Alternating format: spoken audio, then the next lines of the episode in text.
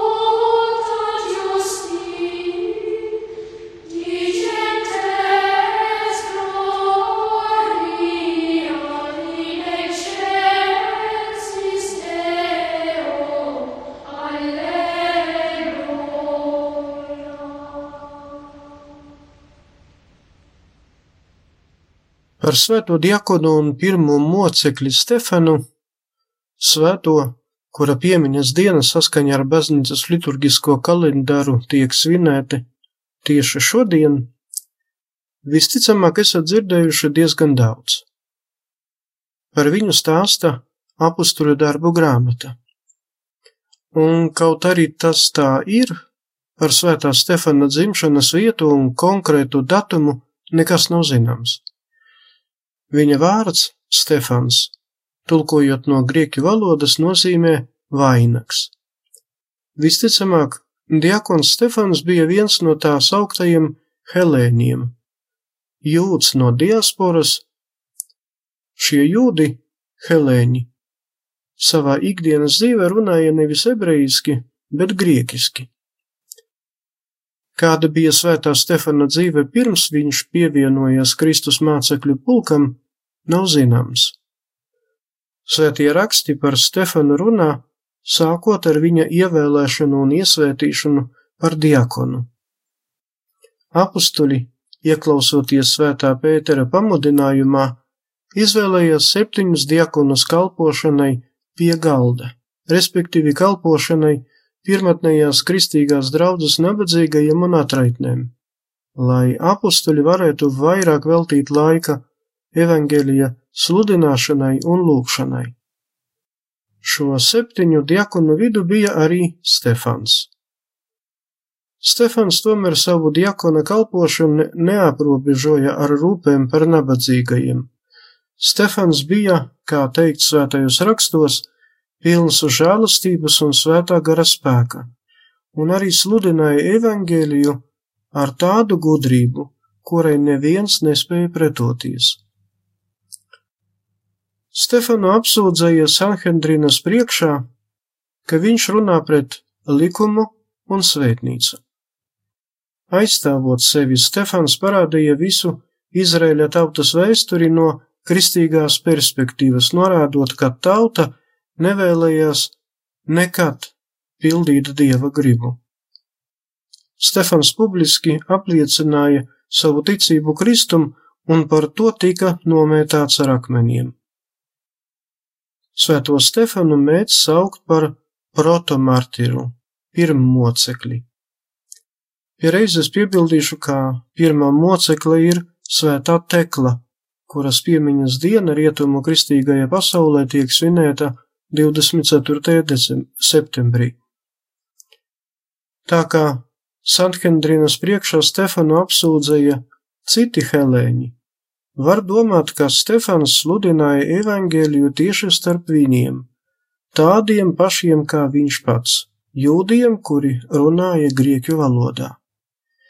Visticamāk, svētais diakons Stefans mira mocekļa nāvē mūsu ēras 36. gadā, tātad trīs gadus pēc Kristus nāves un augšām celšanās. Apustuļu darbu grāmatas autors īpaši akcentē to, ka Stefana mocekļa nāvi redzēja Sauls, vēlākais apustulis Pāvils. Pie saula kājām toreiz salika savus mēteļus un drēbes tie, kuri noslepkavoja ar akmeniem Stefanu. Varētu izbrīnīt fakts, ka Stefanu nomētāja ar akmeniem bez romiešu piekrišanas un atļaujas. Tieši 36. gadā Poncijs Pilāts tika atcelts no sava amata, bet jaunais Jeruzalemes pārvaldnieks uz Jeruzalemi vēl nebija ieradies. Šajā periodā tad arī notika šī traģēdija, un jūdi uzsāka asiņainu cīņu ar pirmajiem Kristus mācekļiem. Kā pateikts apustuļu darbu grāmatā, tad izcēlās lielas vajāšanas Jeruzalemes baznīcā. Svētā Stefana godināšana iesākās uzreiz pēc viņa nāves, tomēr Tā kā pāri visai svētajai zemei un arī pāri Jeruzalemei nāca lieli pārbaudījumi un juku laiki, par svētā Stefana kapu uz ilgiem laikiem aizmirsa. To atklāja tikai 415. gadā. Visticamāk, viņa kaps atšķīrās no visiem pārējiem kristiešu apbedījumiem. Bija gan greznāks, gan apzīmēts ar atbilstošiem uzrakstiem. Par svētā Stefana kapavietas atklāšanu raksta kāds priesteris Lucijāns, kas šo kapu arī atrada. Sapnī viņam parādījās rabīns Gamaliels, apustuļa Pāvila skolotājs un norādījis vietu, kur netālu no Jeruzalemes ir apbēdīts viņš pats un arī moceklis Stefans. Bēgot no romiešu karaspēka aplenktās Jeruzalemes, pirmie kristieši paņēma sev līdzi arī šo divu cienījamo vīru mirstīgās atliekas un netālu no Jeruzalemes arī pārapvedīja. Gan tanī vietā, kur Stefans mira kā moceklis, gan tanī vietā, kur atrada vēlāk viņa kapu, tika uzbūvētas vēlākajos gadsimtos krāšņas bazilikas. Svētā Stefana, diakona un mocekļa vārds ir iekļauts Romas kanonā, jeb pirmajā euharistiskajā lūkšanā. Jāpiebilst, ka no Konstantinopolis 560. gadā daļa no svētā Stefana relikvijām nonāca uz Romu un tika novietota svētā diakona un mocekļa Laurencija bazilikā aiz mūriem.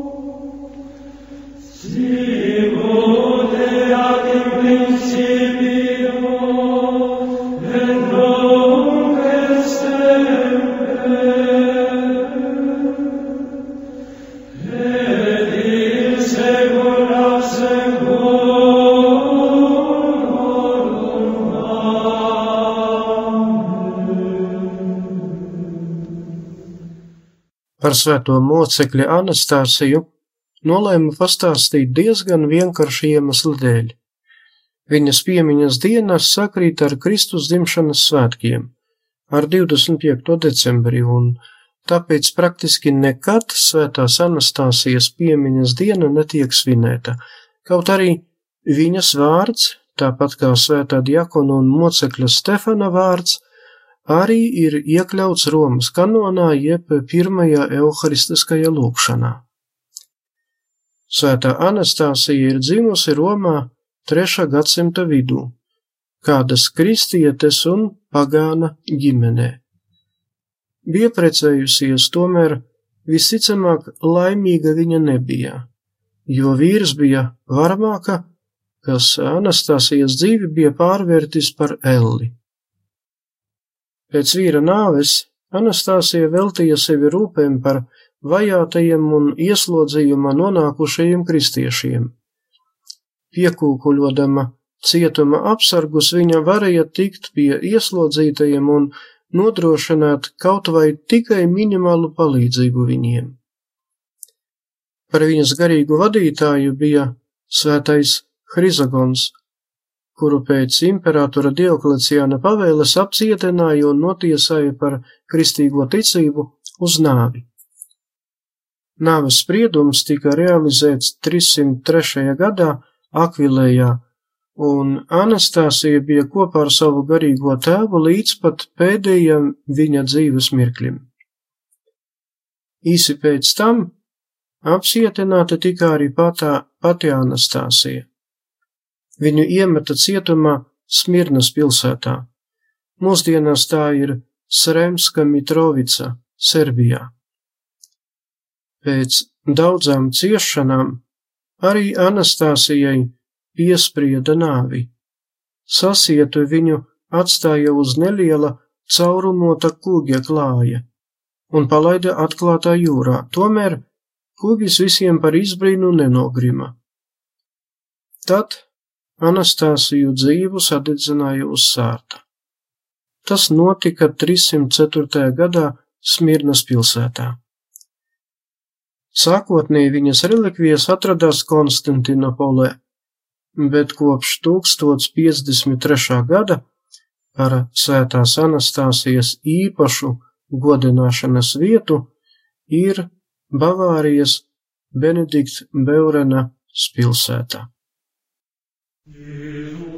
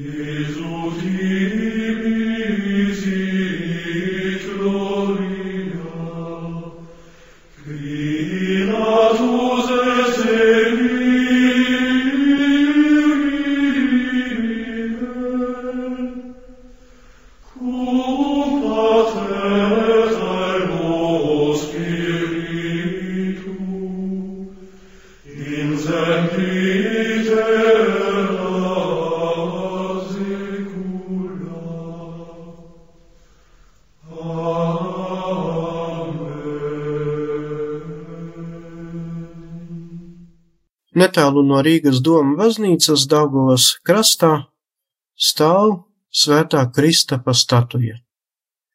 Tieši par svēto Kristapu stāstīšu turpmākajās šī raidījuma minūtēs.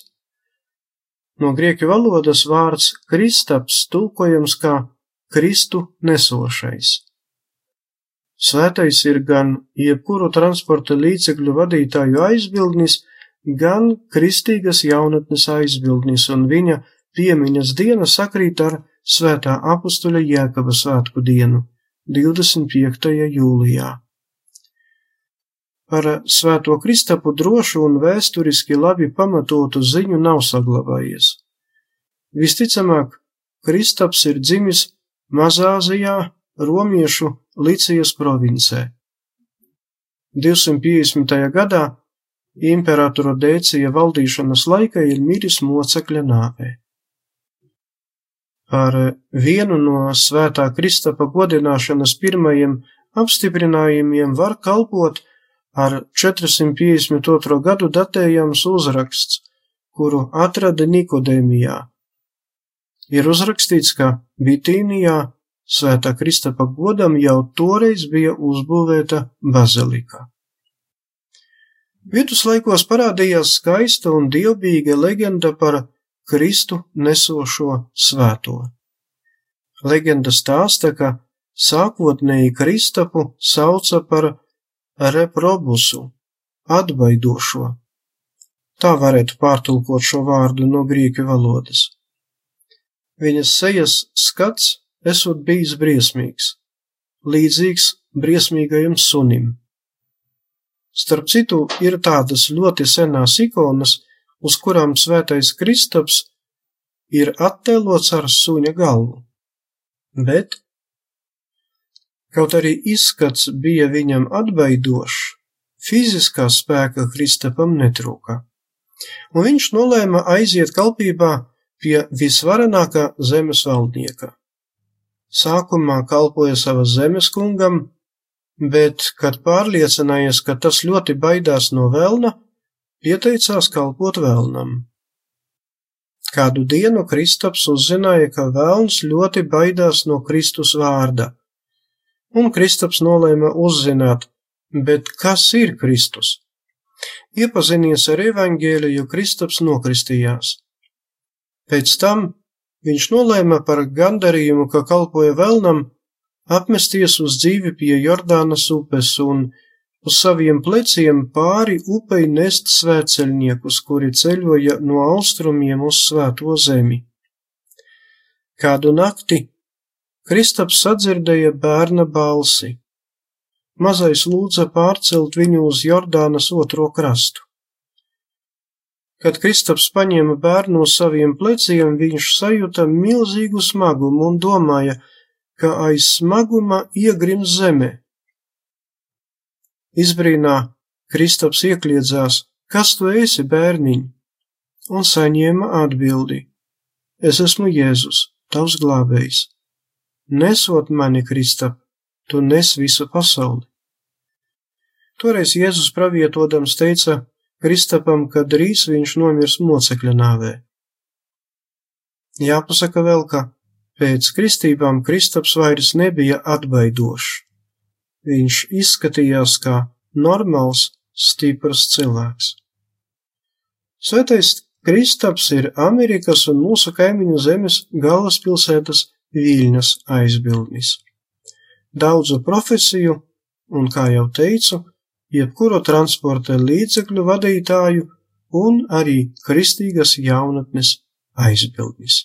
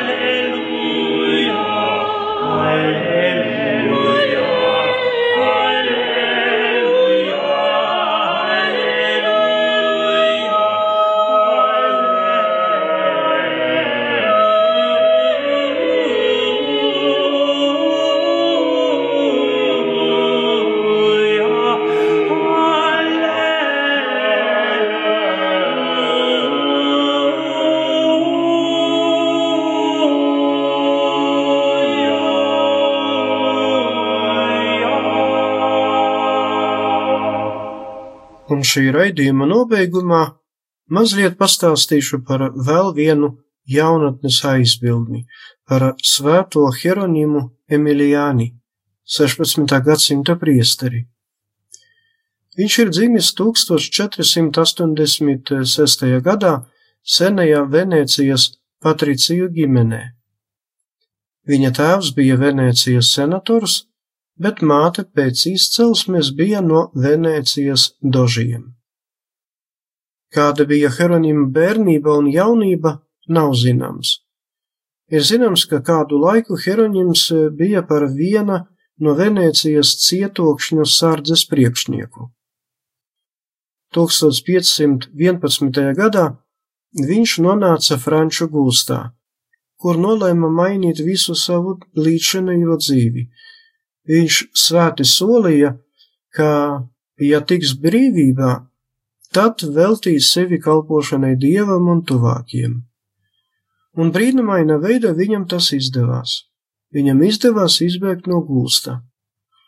Un e, nonācis Trevīzas pilsētas katedrālē, Diamātas brīnumainas ikonas priekšā, nolēma veltīt sevi slimajiem, nabadzīgajiem un pamestajiem bērniem un jauniešiem. Viņš uzsāka teoloģijas studijas, sāka apkalpot slimniekus, palīdzēt trūkumcietējiem un ielu bērniem. Ap 1530. gadu Hieronyms izmantodams mantojumu, kas palika pēc vecāku nāves, Venecijā nodibināja pirmo šajā pilsētā bāriņu namu. Nākamajos gados šādus namus viņš nodibina gan Veronā, gan Brešā, gan Bergamo, gan Milānā, gan Padujā. Pamat izglītība viņa vadītajos bērnu namos bija apvienota ar dažādu profesiju apgūšanu, lai vēlāk audzēkņi varētu paši sev nodrošināt patstāvīgu dzīvi. Svētais Jeronims būvēja un dibināja arī slimnīcas. Lai nodrošinātu sava karitatīva darba turpināšanu un attīstīšanos, Svētais Jeronims Emilijani nodibināja šim nolūkam gan sieviešu, gan vīriešu kongregācijas. Svētais piedzima debesīm 1537. gada 8. februārī epidēmijas laikā.